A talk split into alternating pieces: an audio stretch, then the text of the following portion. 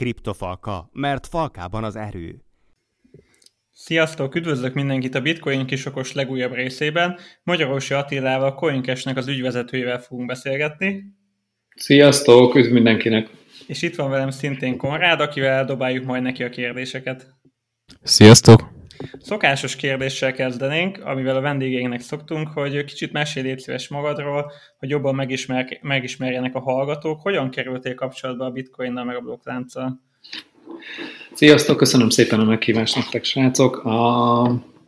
Hát én előző életemben még a különböző multinacionális vállalatoknál töltöttem be marketinges pozíciókat, és amikor jó pár évvel ezelőtt a Telenornál dolgoztam, akkor az egyik feladatom az az volt, hogy új innovatív ötleteket szállítsak a Telenornak, és ott munkám végzése közben futottam bele a bitcoinba, mint olyanba. Szerintem ez 2015 kör, 15 nyarán volt. Nagyon megtetszett az ötlet, iszonyatosan beleszerettem az egészbe, és, és, és próbáltam is megtalálni azt a lehetőséget, hogy hogy, hogy tudnánk a Telenor akkori szolgáltatásait, illetve a bitcoint valahogy ötvözni. Nyilvánvalóan itt volt egy-két ilyen nagyon kézenfekvő ötlet, mint hogy a telefonszámla fizetés bitcoinba, vagy telefonvásárlás bitcoinba, de, de sajnos nem igazán találtam meg a helyét ennek az ötletnek, viszont magánszemélyként a szerelem megmaradt a bitcoinnal, és aztán nem, nem tudtam letenni a vele való foglalatosságról, úgyhogy végigjártam azt a, azt a tanulási utat, amit szerintem olyan sokan, akik autodidakta módon kezdtek ismerkedni a blokklánccal és a kriptovaluták világával, hogy először csak megnéztem, mi ez, aztán egy picit adta, picit vettem belőle, aztán utána felfedeztem a kriptovaluta tőzsde világát, akkor hobbi kriptovaluta tőzsdézéssel foglalkoztam, utána akkor elkezdtük nézegetni, hogy mi ez a bányászat, ugye ebben az időben akkor még eterrigeket lehetett építeni a, klasszik videókártyás módszerekkel, az a Six Mining az, a, az már akkor se volt annyira feltétlenül szexi, de, de az Etherből még nagyon nagy potenciál volt, és akkor nyilvánvalóan vettünk egy pár videókártyát, építettünk belőle gépet, és így tovább, és így tovább. Nekem ehhez a Telenoros sztorihoz lenne egy kérdésem, ugye itt bitcoint említettél, tehát így a bitcoinnal vagy a blokklánccal kerültetek így kapcsolatba, mert így a, a blokkláncot, mint, mint technológiát azt így el tudom képzelni a Telenornál, de hogy magát, a, mint a bitcoint, azt igazából nem annyira. Tehát, hogy nem, talán nem talán annyira alkalmasnak arra, hogy, hogy, hogy tudja használni egy ilyen cég.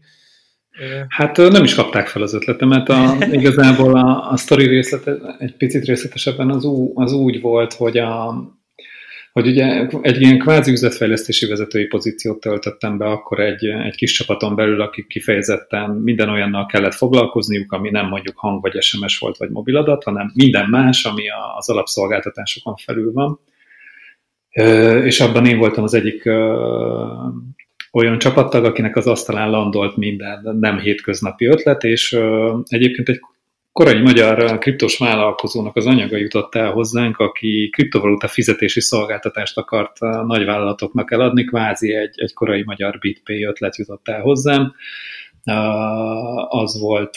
Előtte én egyébként így internetes böngészés meg új ötletek nyomozása kapcsán találkoztam a bitcoinnal, de hogy az volt az első ilyen kereskedelmi alkalmazás, ami, ami az asztalomon landolt, szerintem ez volt 15 nyara, és akkor a, a, az adta meg azt a, azt a löketet, hogy a felszínes ismerkedés után így mélyebben belássam magamnak, és akkor tulajdonképpen én azzal, azzal mentem egy kört házon belül, hogy vajon jó lenne nekünk, hogyha bitcoinba is lehetne számlákat fizetni, és akkor itt aztán rengeteg kérdés, aggály és averzió merült föl, tehát nyilván a pénzügyesek megjelentek azzal, hogy de ezzel az elképesztő volatilitással mit tudunk kezdeni, erre nyilván volt a vállalkozónak megoldása aztán utána a jogi osztályról ugye felmerült, hogy Jézus Mária, de hiszen ez nem tudom, az a terroristák pénze, tehát hogy ennek milyen, milyen borzasztó kockázatai vannak, mert mint ahogy PR szempontból, vagy ilyen jó hírnév szempontjából, és akkor így gyakorlatilag egy nagyvállalat természetes működési folyamatában, hogy maximalizáljuk a profitot és minimalizáljuk az ezzel járó rizikót, így nagyon gyorsan kipontozódott a 2015-ben még a mostanán sokkal,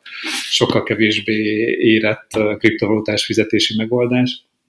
Egyébként. Amúgy itt annyi, annyi párhuzam, hogy ahogy én is multinál dolgozom, autóipari cég, igen, uh-huh. és én is ugyanezzel az élményt, ugyanezt az élményt én is átéltem, amikor gyakorlatilag a saját cégem belül, nem bitcoin, de hogy blokklánc oktatást kaptunk, konkrétan a cégben, mhm.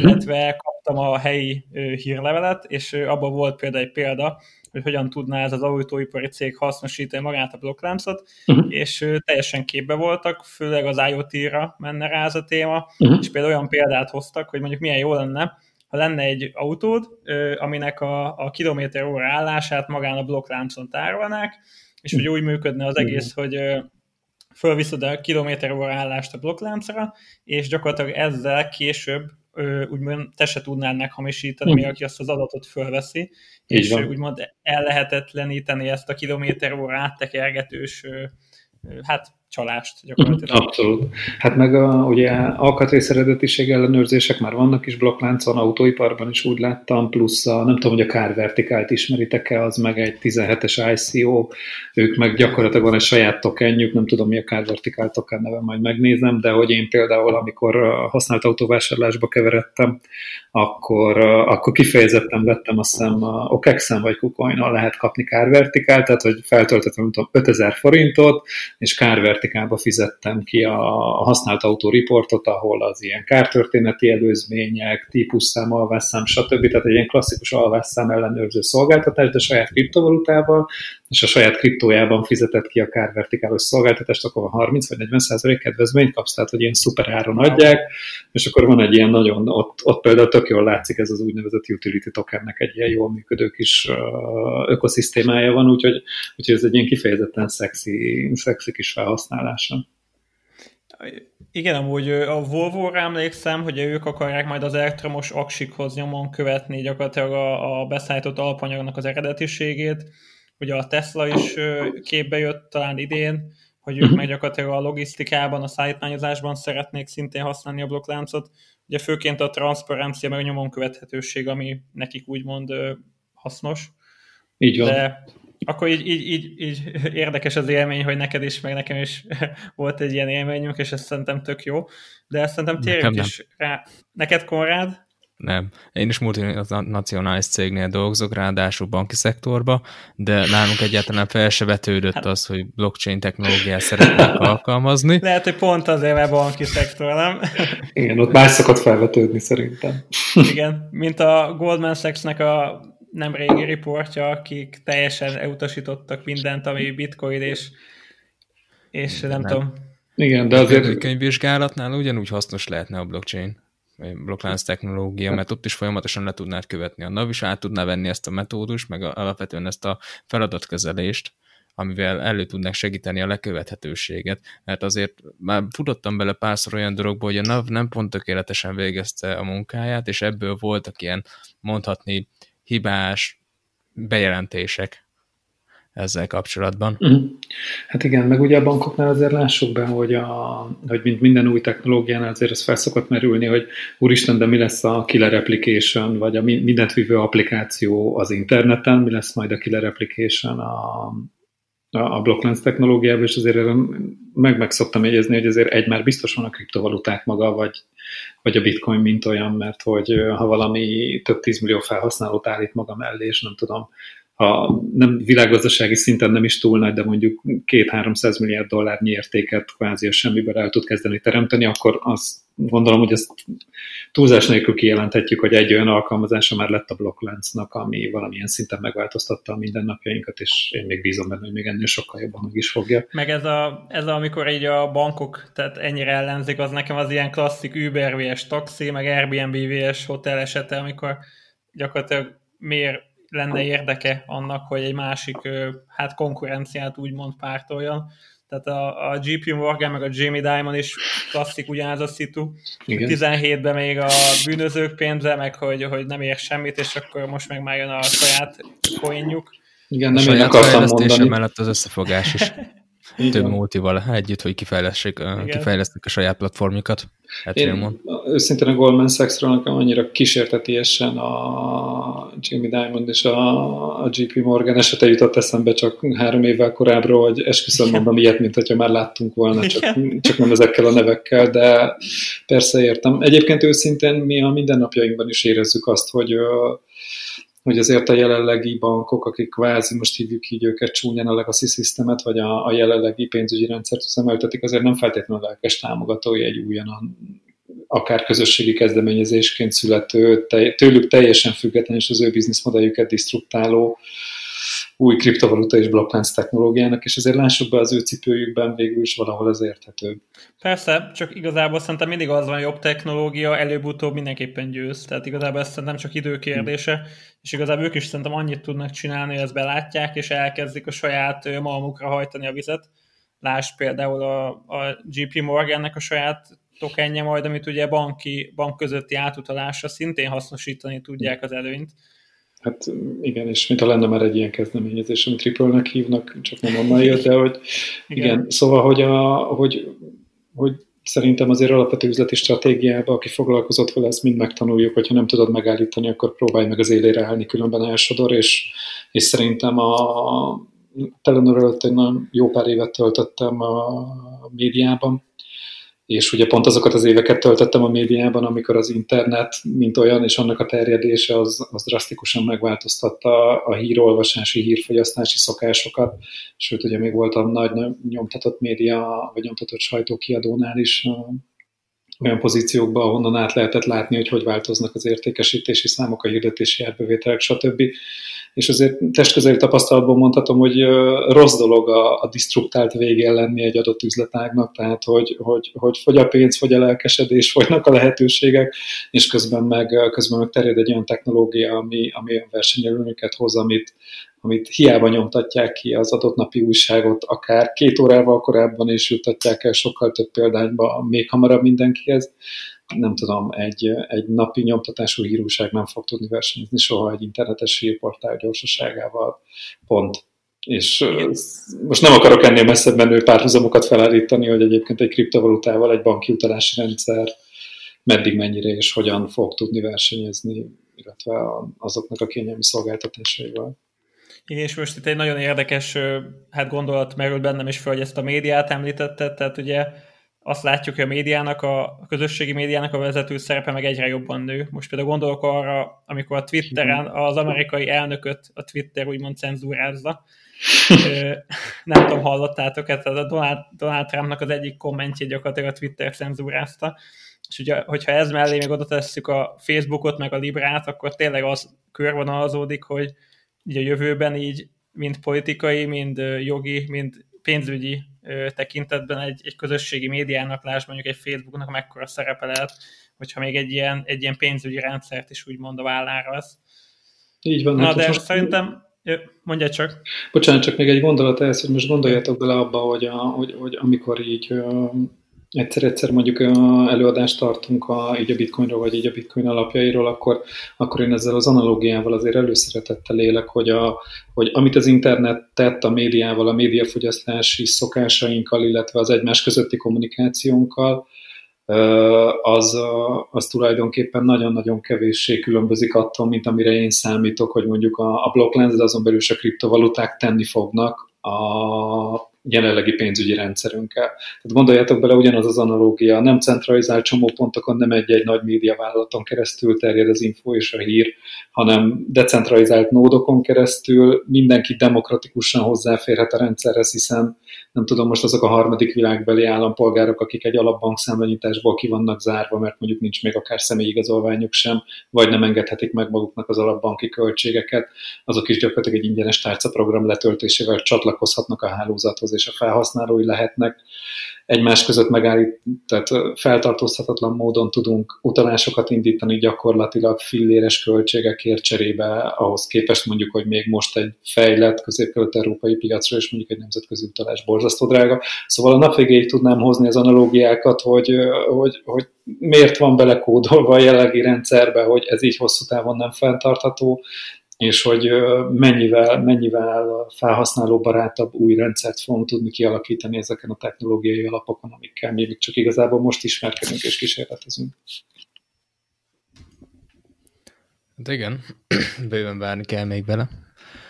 És ahogy már mai nap itt vagyunk, alapvetően miként és hogy jött létre a CoinCash? Mesélj róla egy kicsit. Hát ahogy mondtam, ugye nekem munkából fakadóan volt a, született ez az ismertség, és, és ahogy egyre mélyebbre ástam magam a, a technológiában, a, megismerkedtem az akkori ökoszisztémával, úgy, hogy egyre inkább berzenkedett a marketinges a lelkemben, hogy úristen, mennyi tennivaló van még itt, úristen, milyen nehézkes a hozzáférés, Jézusom, hogyha édesanyám szeretne venni bitcoint, akkor ezt hogy fogja megoldani, hogy nem tudom, egy Hongkongba bejegyzett tőzsdén, egy Pakisztánban ülő ügyfélszolgálatossal, majd ő, nem tudom, angolul próbál csetelni egy alap KYC-ről, és utána elutal egy mongol bankba, nem tudom, a, nem tudom, a 300 ezer forintjából csinált nem tudom mennyi dollárt, ami elveszik, megérkezik, nem érkezik meg, stb. Úgyhogy, úgyhogy igazából én úgy azt láttam, hogy úristen, tehát hogy itt nagyon megérintett, hogy mekkora a növekedési potenciál ebben az egészben, vagy én nagyon-nagyon bele láttam a, azt a jövőképet, amiről az előbb is beszéltünk, hogy milyen óriási potenciál van benne, és nagyon láttam azt, hogy, hogy mennyire nem átlag felhasználóknak vannak építve még az akkori szolgáltatások, és igazából az ötletem bennem megfogalmazódott, az ennyi volt, ami, ami gyakorlatilag a Coincashnek a mai napig így a zászlójára ki van tűzve, vagy a mai napig a szlogenünk, hogy bitcoin egyszerűen. Tehát, hogy, hogy szerintem sokkal több embernek lesz szüksége kriptovalutára, és hogy amit mi szeretnénk csinálni, az az, hogy sokkal kényelmesebben, könnyebben, megbízható forrásból egyszerűen hozzáférhetővé tenni ezt azoknak, akik mondjuk nem fiatalok, vagy nem annyira fiatalok, mint is srácok, nem beszélnek jól angolul, nincs devizaszámlájuk, Isten igazából ő nem akar kereskedni, nem is érti ezt, csak szeretne valamennyire a hosszú távra megtakarítani, részt venni ebben az egész kvázi pénzügyi forradalomban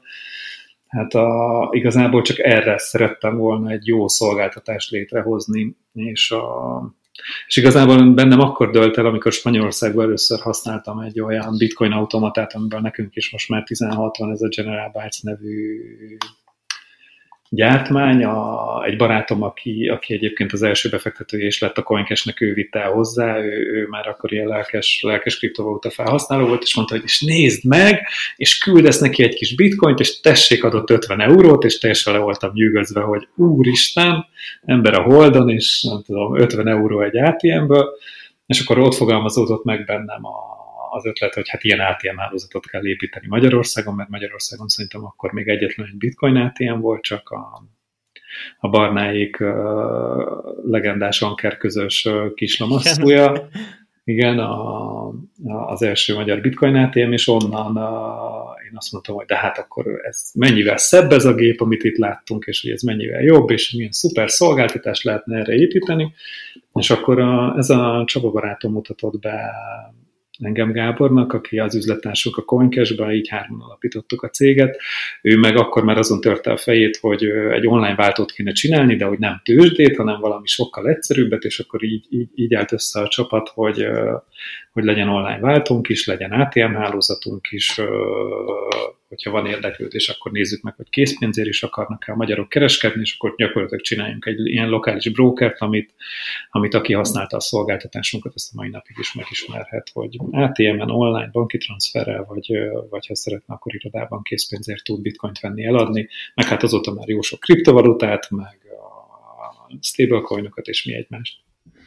Igen, nagyjából, hogy összefoglaltad, hogy milyen szolgáltatásokat nyújtotok, tehát hogy ez az online váltás, vásárlás és eladás, uh-huh. a személyes ATM-en, ATM-en keresztüli eladás és vétel, Így van. és ami mik lennének az előnyeitek, ami miatt úgy gondolod, hogy titeket érdemes választani?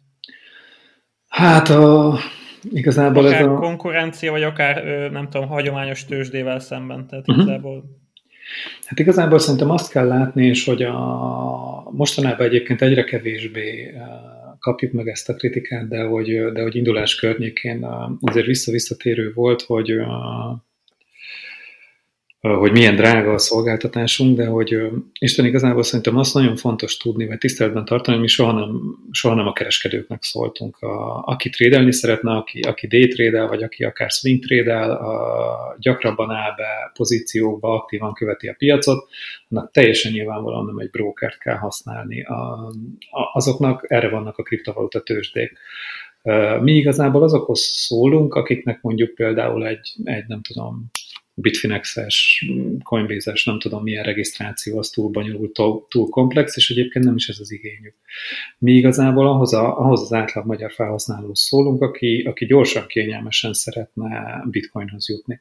Tulajdonképpen a mi szolgáltatásunk, ez egy kényelmi szolgáltatás, a, és a mi szolgáltatásunk árában nagyon sok minden benne van, például benne van, benne van az euróforint vagy az euró-dollár váltás, amit, amit bármilyen trader kénytelen meglépni, benne vannak a nemzetközi utalások díjai, mivel ugye magyar számára egyelőre semmilyen tőzsdére nem lehet utalni, benne van az adott tőzsdének a depozit és a withdrawal fee ugye általában vagy egyiket, vagy másikat, vagy mind a kettőt felszámolnak, benne vannak a trading fee és benne van a bitcoin tranzakció díja is, hogyha valaki ezt megvette és kiutalta.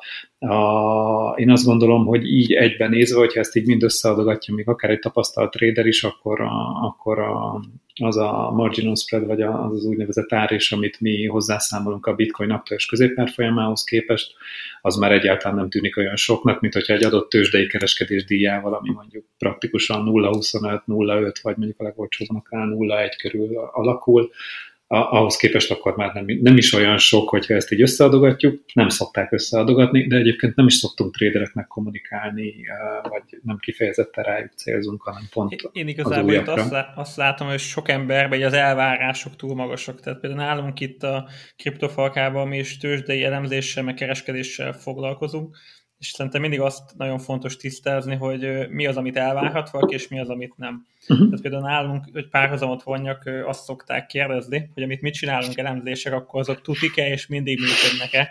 És ugye én is ezzel hasonlóan mosolyogni szoktam, hogy sokan azt hiszik, hogy ez egy varázsgömb, ami mindig igazat mond, és gyakorlatilag azt szoktuk nekik is mondani, hogy ez általában csak a valószínűséget tud megnövelni. Tehát mondjuk az 50-50 százalékos vagy bejön, vagy nem helyett mondjuk egy 60-40-nel tudsz dolgozni, uh-huh. és akkor ugyanúgy lesznek 10-ből 4 bukótréded, de mondjuk több nyerőtréded, és gyakorlatilag annak ellenére te is ugyanúgy fogsz bukni, és ugye nálunk is például ez az elvárás ö, szokott így fölmerülni a laikusokba, hogy akkor ez most tuti-e, és hogy ez mindig bejön-e, uh-huh. és szerintem tényleg ezt nálunk is nagyon fontos mindig letisztázni az elején, hogy ez nem így működik, amint te is mondtad, hogy nálatok tisztázni kell ki a célközönség, és ugye rájuk van szabva maga a szolgáltatás. Így van. A, őszintén, amikor a, ugye nekünk is az elején nyilván úgy az ember, főleg, hogyha szíve lelkét beleteszi egy szolgáltatásba, és tényleg nem tudom, éveken át dolgozik egy kis csapattal, az mondja, lehető legjobb legyen. Nekünk is volt egy-egy kritika, ami igazából rosszul esett, de hogy egy önvizsgálatot tartottunk, és akkor itt tényleg elkezdtünk a mélyírásni ennek az egész szakmának, meg ennek az iparágnak, amit csinálunk, hogy mit lehetne még jobban csinálni, még szebben, még gyorsabban.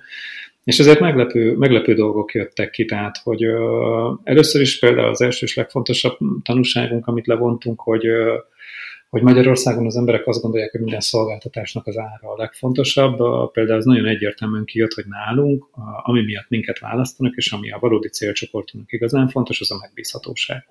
És a megbízhatóság például abból fakad, hogy, hogy mondjuk, nem tudom, volt -e valakinek mondjuk Coinbase-es problémája, amikor mondjuk 72 óra cooldown periódra fogják, és kilövik a kriptotárcádat, egyébként meg egy olyan trédet látsz, amit most azonnal kéne megnyomni, és 72 óra múlva az olyan, mint egy korszakkal később lenne vagy amikor mondjuk egy nemzetközi eurós utalás így elkeveredik a Kraken felé úton, és mondjuk négy nappal később ér be. Tehát, hogy mondjuk nagyon kevés traderünk egyébként van, de például az egyik ilyen törzsvásárlónk az, az pont így járt, hogy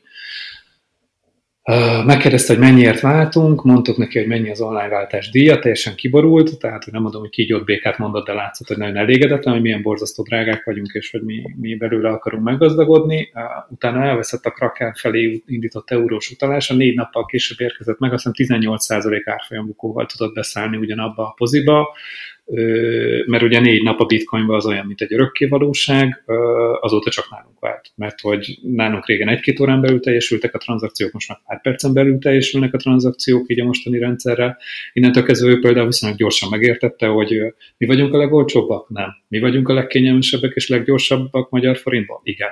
Tehát, hogy a, ahogy te is mondod, ez a managing expectation, mire számít az ember? Nem, nem mi vagyunk a legolcsóbbak, de azt, azt nagyon jó szívem mondhatom, hogy hogy mindig teljesítünk, és hogy szerintem ennél kényelmesebb hozzáférés a bitcoinhoz, mint amit a mi szolgáltatásunk nyújt, nem nagyon van az országban.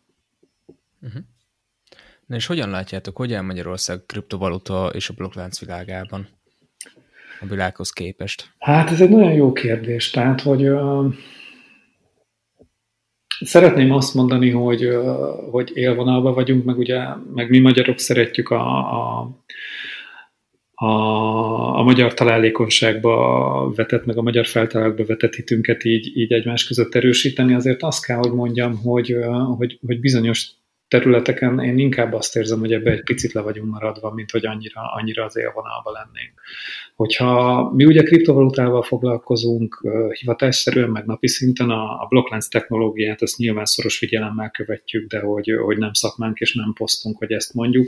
Láttam olyan kutatásokat, ahol azt mondják, hogy a, hogy a 17-18-as blokklánc innovációknak több mint 25%-a közép-kelet-európából jött régiumból, és hogy én is ismerek nagyon tehetséges magyar csapatokat, akik, akik ebben benne voltak, de ott például azért van az a szomorú valóság is, hogy, hogy ezekből a tehetséges csapatokból szinte szerintem egyiknek sincs például magyar cége, hanem mindegyik valamilyen külföldi jogi entitást hozott létre erre, és aztán Észtország, Szingapúr, Málta, Anglia, és a többi, tehát hogy, hogy nagyon szórnak, hogy, hogy ki, ki hol alapított uh, jogi entitást az ötlete és a vállalkozása mögé, és még ha tudunk is uh, konkrét magyar csapatokról, de azok inkább nemzetközi színekben neveznek.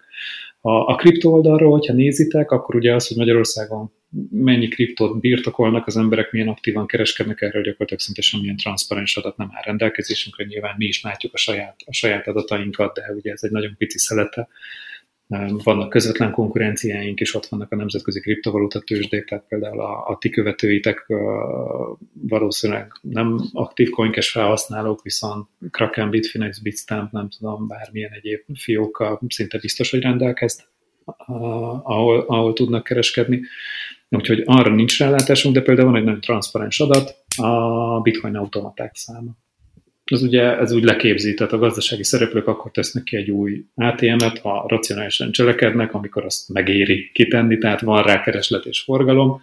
Ha megnézitek például, hogy mondjuk Csehországban mit látunk, vagy nagy Isten mondjuk Ausztriában mit látunk, Ausztria világ egyik legfejlettebb piaca közé tartozik, hogyha a bitcoin ATM-ek számából vonjuk le.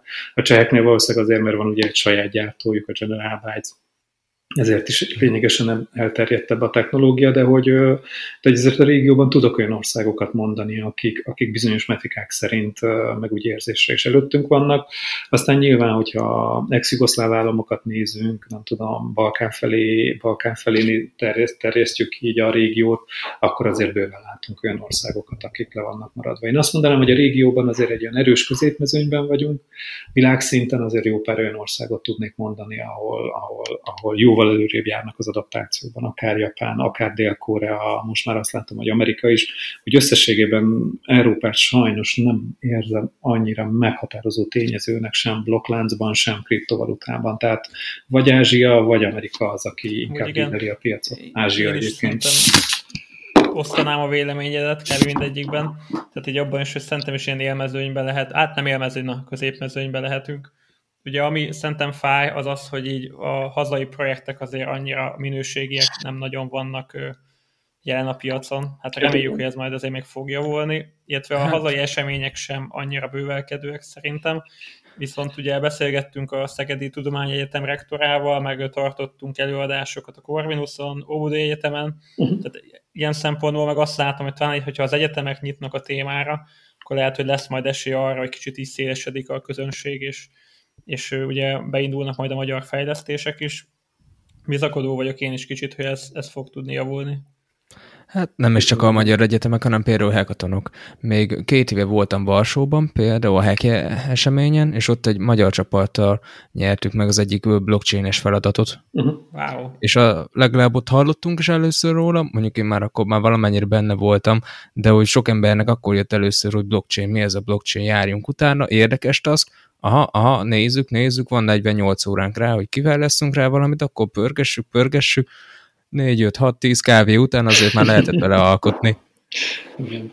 Igen, én ott, is... ott is például ilyen 4 ezer ember ott volt egy eseményen, azért 5 ezer felhasználó, hogyha már úgy nézzük, két nap leforgás alatt az egészen jó. Hm.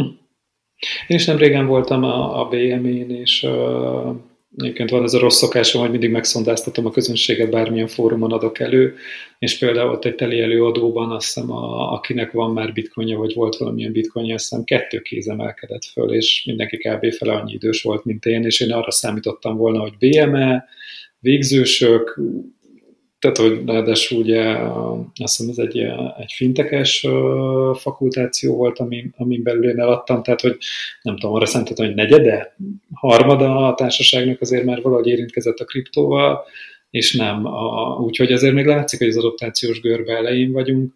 Én a, tényleg úgy, hogy ebben mozgunk, találkoztam szuper tehetséges, brilliánsan okos magyarokkal, akik ezzel foglalkoznak, de, de tényleg azért az átütő nagy flagship projekteket azért én is hiányolom még az országból. Igen, meg az a kommented, ugye, hogy így főleg Ázsia, azt és én teljesen osztanám.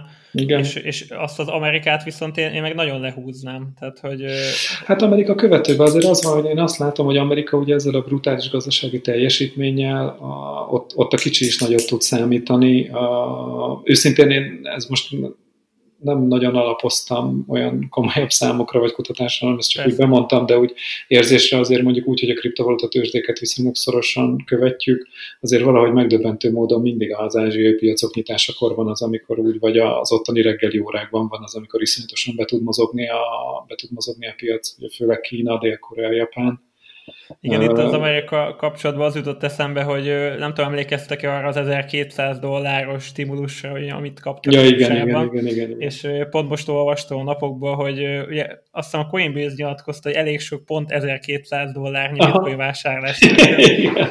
és, és hát e, ez is kérdés, ugye, amit a, az állam stimulusnak és a gazdaságnak szán, az ugye tökre nem oda megy, ahova ők szeretnék sokszor és amit még érdekes volt, hogy, hogy azok, akik annó 1200 dolláros stimulusi hát adományon bitcoint vettek, azoknak az 1200 dollárja az már nem 1200 dollárt ér, hanem 1800 dollárt. Így van, így van. Igen, ezen én is jót nevettem. Hát igen, itt igazából hogy az van, hogy ez a helikopterpénz, aztán nem menjünk bele ennyire makroekonomiába, azért ennek na, na, nagy kérdés, hogy ez mennyire pontosan fog találni, meg azt éri el, amit nem. Egyébként a bitcoin meg a, azért látszott most a, a márciusi nagy szakadásoknál látszott, hogy azért a, a, a rizikós befektetési eszköz kategóriába volt kezelve az átlag befektető által, tehát hogy amikor az amerikai tőzsdék iszonyatosan beszakadtak, meg beszakadt az arany is, na akkor beszakadt a, a bitcoin is ami ugye ezért egy picit ásta azt a digitális arany nézőpontot, mert hogy nagyon együtt mozgott, de korábban meg nem, nem velük korrelált, és most meg megint elszakadt a rágazdaságtól, tehát megint nem azt látom, hogy teljesen együtt mozog, szóval... Igen. Ja. Itt nekem annyi kommentem lenne, amit írtam is egy cikket egy a kriptofalka hallgatójának, hogy szerintem hogy valamilyen szempontból érthető az, hogy gyakorlatilag esett az egész világ, és ugye a bitcoin, tehát fundamentálisan tényleg teljesen független a többitől, Viszont, hogyha azt nézem, ugyanúgy pánikoló emberek kereskednek bitcoinnal, és ugyanúgy a tőzsde pszichológia az ugyanúgy jelen van a kriptovaluta tőzsdén is, akkor szerintem igazából nem meglepő az, hogy, hogy gyakorlatilag a bitcoin, ami egy decentralizált, tökre független dolog, mégis gyakorlatilag függ a, a pénzügyi helyzettől, ami a világban van. És amit szerintem érdekes volt, ugye, hogy sokan arra hívták fel a figyelmet, hogy nem is az az érdekes, hogy a bitcoin hogyan esett együtt mondjuk az S&P 500-zal, hanem hogy hogy tud majd tőle elszakadni és teljesen függetlenődni minél hamarabb.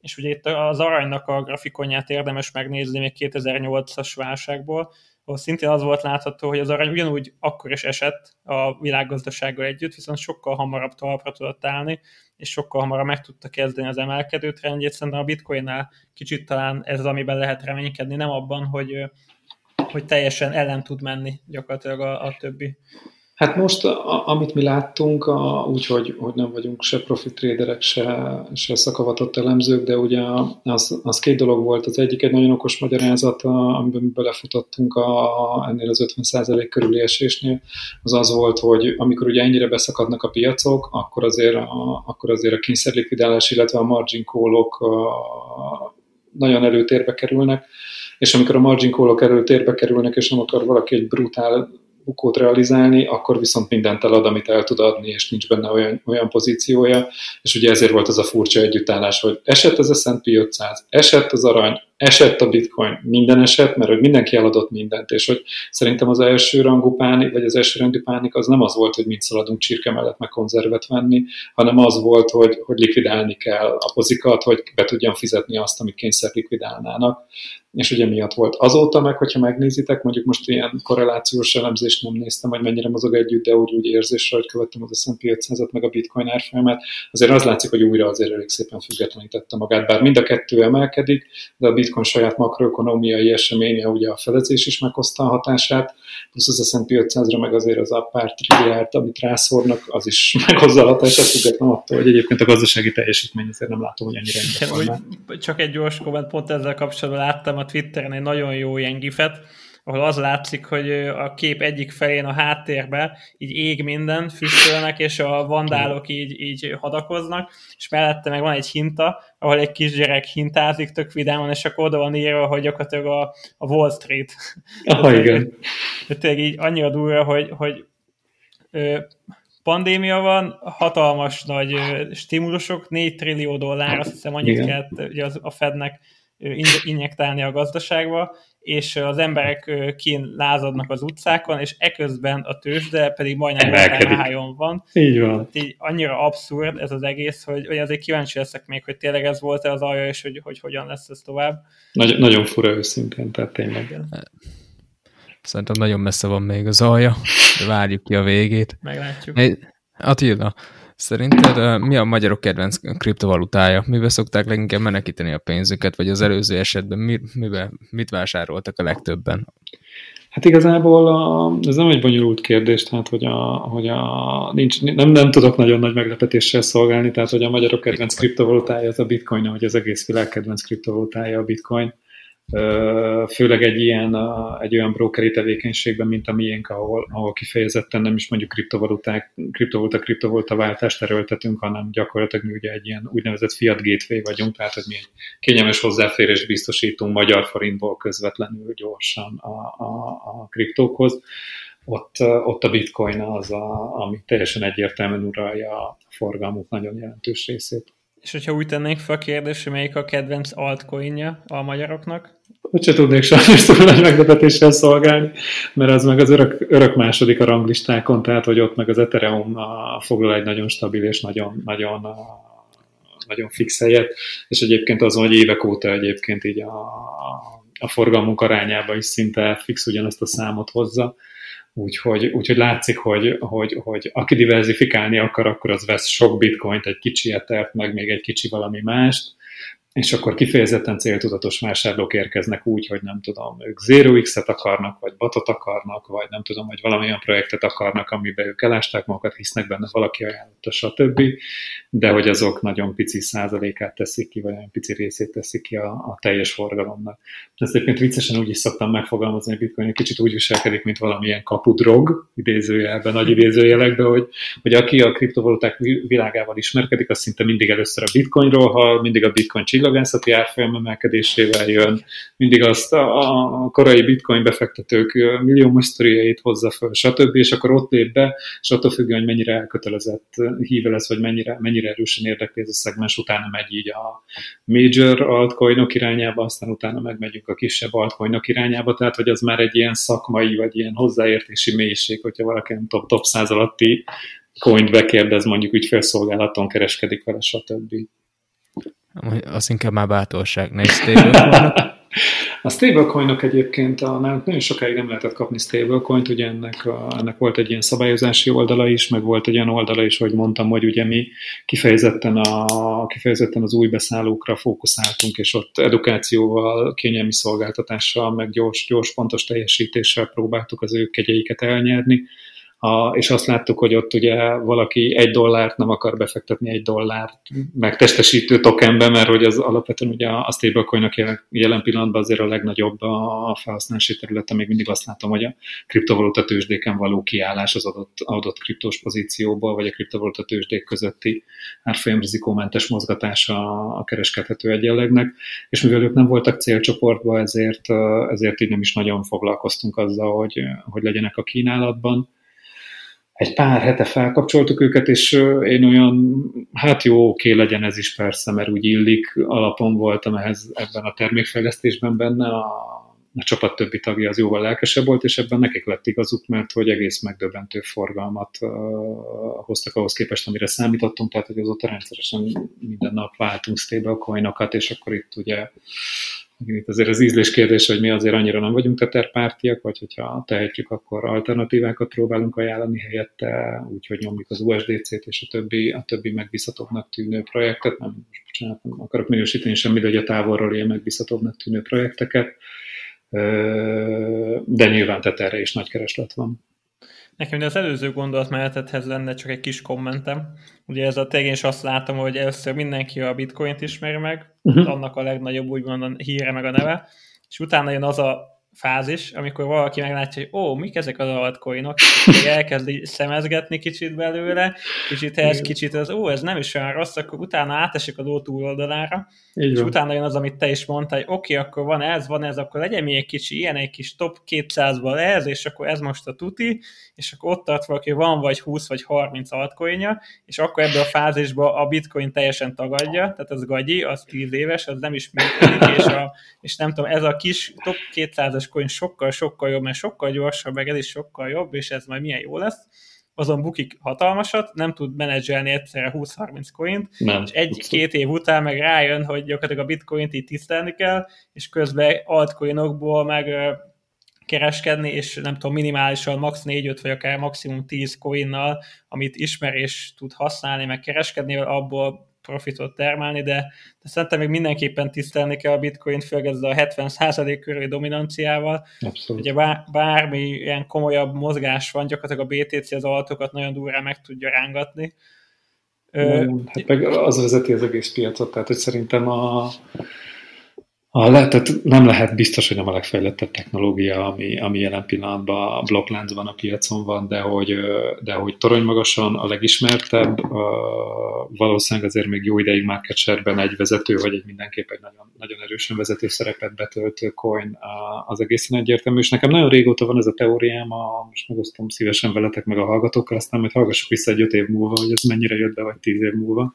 Na halljuk. Hogy, a, hogy, hogy én valami olyasmire számítok, hogy egy, tehát hogy, hogy, hogy, tehát hogy egy ilyen kétszintű kriptovaluta ökoszisztéma fog felépülni, ahol azt mondom, hogy, a, hogy ahogy mondjuk a világgazdaságban mondjuk az amerikai dollár az mondjuk egy, egy ilyen reserve currency-ként szolgál, én azért nagyon arra számítok, hogy, hogy, a, hogy a bitcoin lesz egy ilyen kvázi, hát ha nem is reserve currency, de, hogy, de igen, de hogy egy valamilyen fajta alapvetése a kriptoökoszisztémának, és a, nem tudom, hogy nálatok mennyire vannak ilyen tényleg ilyen heavy crypto traderek, de hogy, hogyha én ilyenekkel cseteltem, vagy valami Discordba vagy Slackba voltam velük, akkor azért ott nagyon-nagyon látszott, hogy igazából az már egy idő után szinte teljesen mindegy volt, hogy mennyit ér dollárban a portfóliójuk, mert hogy egyetlen mértékegység volt, hogy bitcoinban mennyit ér a portfólió, és hogy most bocsánat, nem megbántva sem, hogy az adott shitcoin trade-nek az volt a vége, hogy több BTC-m lett, vagy kevesebb BTC-m lett, és hogy egyébként a BTC meg úgy is növeli az értékét, és nyilván itt, itt azért van egyfajta fanatizmus, amit te is mondtál, vagy hogy egy, egyfajta olyan mélységi ismeret, ahol, a, amihez már ez a fajta elszámolásmód vagy portfólió management kell, de hogy hosszú távon én számítok arra, hogy a kriptoökoszisztémának lesz egy alapja. Szerintem lesz egy stablecoin alapja is, ami, ami peggelve van valamihez, akár valutakosárhoz, ahogy az eredeti Libra koncepció volt, akár én számítok erre is, hogy fiat és kriptó vegyesen, de hogy, a, de hogy a bitcoin mint egyfajta ilyen alapstandard mértékegység nem fog nagyon jó ideig kiveszni így a kriptoökoszisztémából, az, az arra én nagyon, nagyon, nagyon, nagyon erősen számítok. Most nem, ne fogadjunk nagyobb összegben, ez a podcast ott marad az interneten, és majd ezt elő lehet venni, amikor már nagyon vicces, de hogy a, a de, hogy, de hogy mi nagyon, én személy szerint nagyon hiszek a, a bitcoin hosszú távú felmaradásában és értékteremtő képességében. Én is hogy általában főként BTC hodler vagyok, tehát az én mhm. kereskedésemnél is inkább arra megyek ki BTC-ben növeljem a portfóliómat, és hogy nagyon érdekes, mert egy idő után már tényleg ráállsz arra, hogy sokkal jobban fáj, ha azt látom, hogy Satoshi mint hogy dollár. Igen, mert... hát nem számítom, hát a bitcoin számít. Hát ez most kit érdekel? Hát ez egy dinoszaurusz pénz. És például az amúgy egy tök jó taktika is így a kereskedőknek, hogy én amúgy dollárt nem is szoktam nézni, tehát próbálom nem is nézni, mert akkor kicsit úgy függetleníteni tudod magadat az egésztől, és úgymond nem az hogy csekkolgatod és átszámolod, hogy oké, okay, ez most ennyi millió forint, és ez most annyi, nem csak látsz egy digitet, nem tudom, 5,25 vagy 1,2 vagy csak 0,15, és akkor ahhoz képest relatíven nézed, hogy hogyan változik, és, és a kereskedésed során is mindig azt figyeled, hogy az hogyan alakul, és kicsit akkor így távolabb tudsz lépni ettől a pénzügyi dologtól, és kicsit így a rizikót meg a feszültséget tudod csökkenteni, de hogy nálam is mindig az a, az a standard, hogy ha alt pozíciót nyitok, akkor azt mindig BTC-be visszazárom, és a BTC az az alap, és ha csak nagyon rosszul néz ki a piac, akkor szoktam BTC-ből diversifikálni USD-be. Uh-huh. Igen. Egyébként, amikor én is nagyon így, nem tudom, hobby traderként úgy elég mélyre állástam magam így a, az altcoin kereskedésbe, akkor nekem ugyanez volt, hogy egy idő után értelmetlennek tartottam azt, hogy nem is vezettem a saját a kimutatásaimban, meg portfólió menedzsmentembe, hogy, hogy egyébként most ez itt dollárban hol tartunk, hogy mi történt, vagy ez most pluszos vagy mínuszos, hanem hogy pont azt néztem, hogy ez a, ennek a kereskedésnek pozitív vagy negatív BTC eredménye volt, aztán a többit majd meglátjuk. És őszintén egyébként, igen, tehát szerintem ezt így érdemes, hogy így, így, így lehet csinálni, tehát hogy ez nem véletlenül alakult így. Oké, okay. és még olyan kérdésem lenne, hogy ugye nálatok ez a BTC, vagy akár az altcoinok volatiltása, az, az a ti szolgáltatásokat mennyire tudja megborítani? Most például gondolok arra, hogy tegnapi napról arra ébredhettünk, hogy ma a 10 ezer dollár fölé ugrott a BTC árfolyam, ma viszont kb. egy negyed óra alatt jött egy, egy hasonló ö, esés, és gyakorlatilag visszaugrottunk 9500-ra. A hasonló ilyen volatilitások, amiben azért még elég sok van, így a relatíve kicsi market cap miatt, ez mennyire borítja meg a ti munkátokat néha? Hát a, figyelj, igazából az van, hogy mi ezt imádjuk. az jó. Először is azért, mert... Kereskedők. Igen, először is azért, mert ez egy ilyen piac, és azt gondolom, hogy ez adja az izgalmát. Másodszor is azért megvan az a, az a pszichológiája a dolognak, hogy, hogy, hogy a, a mi üzleti modellünk szempontjából a, az a jó, hogyha mozog a piac, mert hogy akkor jönnek a vevők, vagy az eladók. Uh, hiszen, hiszen akkor azt felkapják a hírek, akkor az emberek befektetni akarnak, uh, vagy akkor uh, vagy akkor ki akarnak szállni, és profitot akarnak realizálni, de hogy a lényeg a lényeg, hogy, hogy akkor kereskednek, hogyha mozog a piac, vagy pontosabban akkor szállnak be, nem kereskednek, hanem szállnak be, vagy szállnak ki az adott holder pozíciójukból. Úgyhogy mi ezt szeretjük. Egyébként a, az ügyfelek felé ennek uh, igazából az elmúlt években rengeteg fejlesztés, amit beleültünk a rendszerbe, gyakorlatilag minimális kockázata van, mert hogy a, Ugye az ASF is, meg az egész működésünk úgy van felépítve, mint ahogy a klasszikus régi tőzsdei brokeri modell, hogy amikor bejön az ügyfél, akkor ő csak egy ajánlati árat kap, tehát hogy ez nagyon világosan le van írva az e-mailben, a webes felületen, az ASF-ben mindenhol, hogy, hogy mi a tárfolyamot nem rögzítünk, hanem azt mondjuk, hogy figyelj, ebben a pillanatban ennyi forintodért ennyi bitcoint fogsz kapni, de hogy a teljesítés akkor történik, amikor, amikor ő az ellenoldalt rendezte. Innentől kezdve, hogyha nekünk van egy egy konfirmes BTC utalásunk, vagy, vagy megérkezett a számlánkra a pénz, és ott minden rendben van az adott ügyféllel, gondolok itt KYC-re, szabályzatok elfogadására, stb., akkor gyakorlatilag egy automata, egy ugyanolyan trading engine áll a rendelkezésünkre, vagy matching engine, mint ami a, a tőzsdéken, tehát ott, hogyha a mi rendszerünk végigfut azon az adott megrendelésen, és az rendben van, akkor az gyakorlatilag töredék másodpercek alatt teljesül, és nem tudom, ügyfélélményben egy-két percen belül ugye kiutalásra kerül, és akkor aztán nyilván ez az ideális állapot, és akkor lehet ezer millió, kismillió dolog, ami publikus, meg nem publikus, hogy, hogy, hogy miért nem fut le egy tranzakció automatikusan, de hogy a, az alapügyfélélmény az, az, hogy arra törekszünk, hogy amikor valaki kifizeti azt a megrendelést, azt szinte azonnal teljesítsük is. Innentől kezdve neki gyakorlatilag az árfolyam volatil, vagy az árfolyam volatilitásból fakadó kockázata az már minimalizálva van. Ha mégis az történik, hogy a kiajánlott ár meg az az ár, amik teljesíteni tudunk elmozdul, mondjuk azért, mert mondjuk nem tudom, pénteken adta le a rendelését, de csak hétfőn dönt úgy, hogy kifizeti, akkor meg a, a kezdetektől fogva van egy ilyen 5%-os ügyfélvédelmi gát beépítve a rendszerbe, ami azt jelenti, hogy ha a kiajánlott ár meg az adott aktuális teljesítési ár között 5%-nál nagyobb az eltérés, akkor effektív ügyfélszolgálatra kerül az ügy, és valamelyik kollégánk felhívja azt az adott hölgyet, urat, hogy szia, láttuk a megrendelésedet, most be is érkezett az ellenértéke, de képzeld az van, hogy ennyit mozgott a piac, úgyhogy most ezen az áron tudjuk teljesíteni, és akkor ő ott megerősítheti ezt a tranzakciót, vagy elállhat tőle, és akkor nyilvánvalóan visszakapja a pénzét, ha nem szeretné teljesíteni. Általában egyébként nagyon nagy százalékban az a meglátás, hogy aki már úgy döntött, hogy bitcoint vesz, még ha mozgott is a piac, még ha ellene is, akkor is inkább a megrendelés mellett döntenek, és, a, és kérik a bitcoint. Na, igen, ez a jó hozzáállás, hogyha úgy nézzük. igen, és, és, ők járnak jól.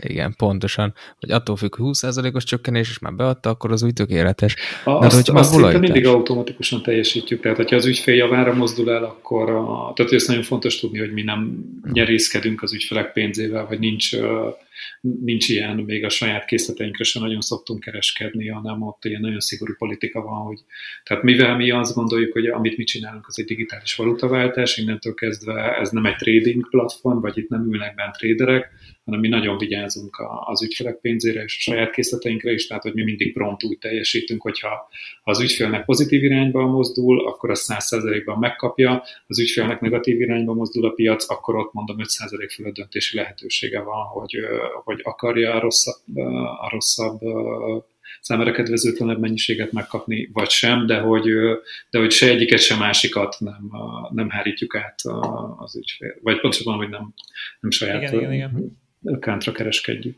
Mondjuk ez tényleg jó előny, vagy korábbi, nem, nem, korábbi résznél nem említetted.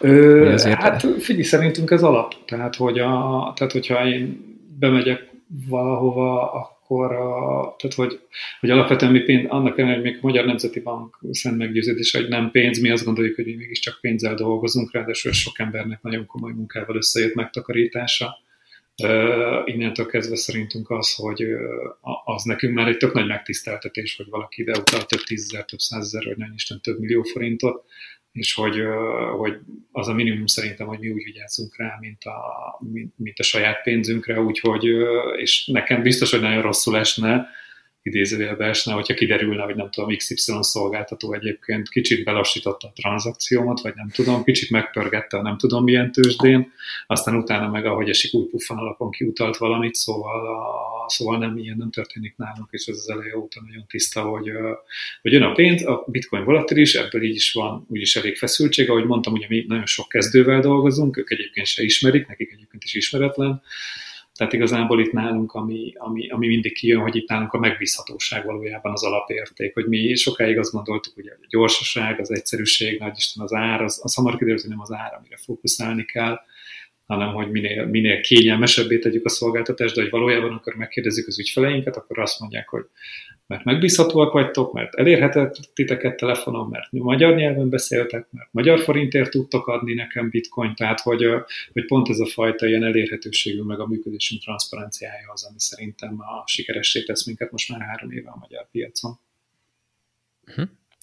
Na és akkor, hogyha volatilitás, akkor a vírus hatására mennyire változott nálatok a forgalom a szolgáltatásoknál, hogy most így bejött ez, hogy nem lehet sehova se kimenni, vagy hogyha ki lehet menni, akkor időkorlátok alapján, például 65 év felett ATM látogatás? Hát igen, ugye azt, hát hogy mondjam, nem a nem, nem szeretünk panaszkodni, de azért azt gondolom nem, nem árulok el nagy titkot vele, hogy mondjuk a bezárt plázákban lévő ATM-ink, vagy, a, vagy az éttermekben, vagy az Ingburgerben található ATM-ink, amik egy effektív bezártak, vagy nagyon korlátozottan voltak elérhetőek, azért nem bonyolították életük forgalmát jelen pillanatban. Tehát, hogy, hogy azért némi, némi kieséssel azért mi is tudunk számolni, vagy kellett számolnunk mindenképp.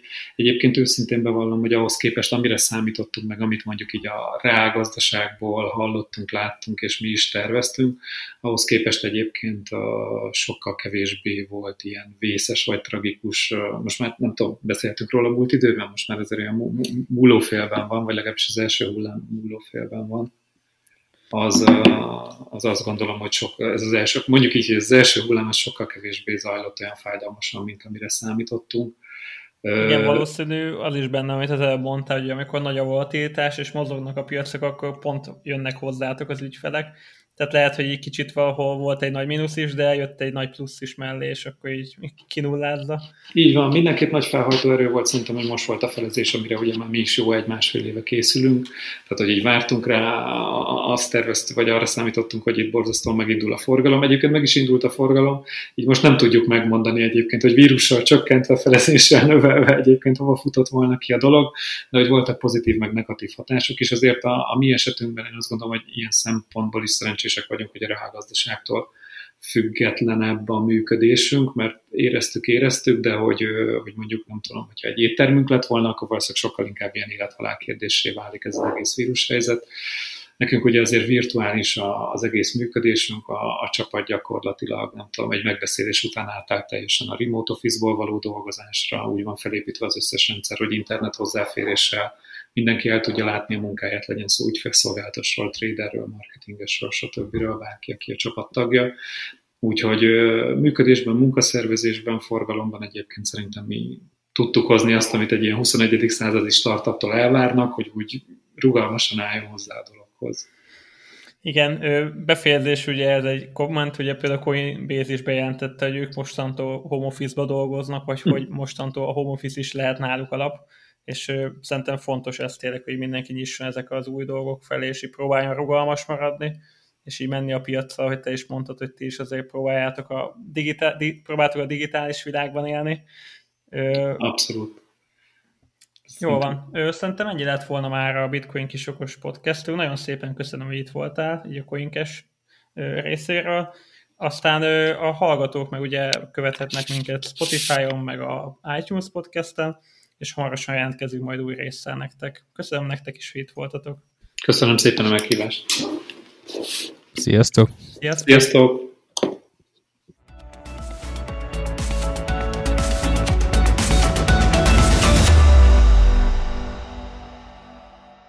Kriptofalka, mert falkában az erő.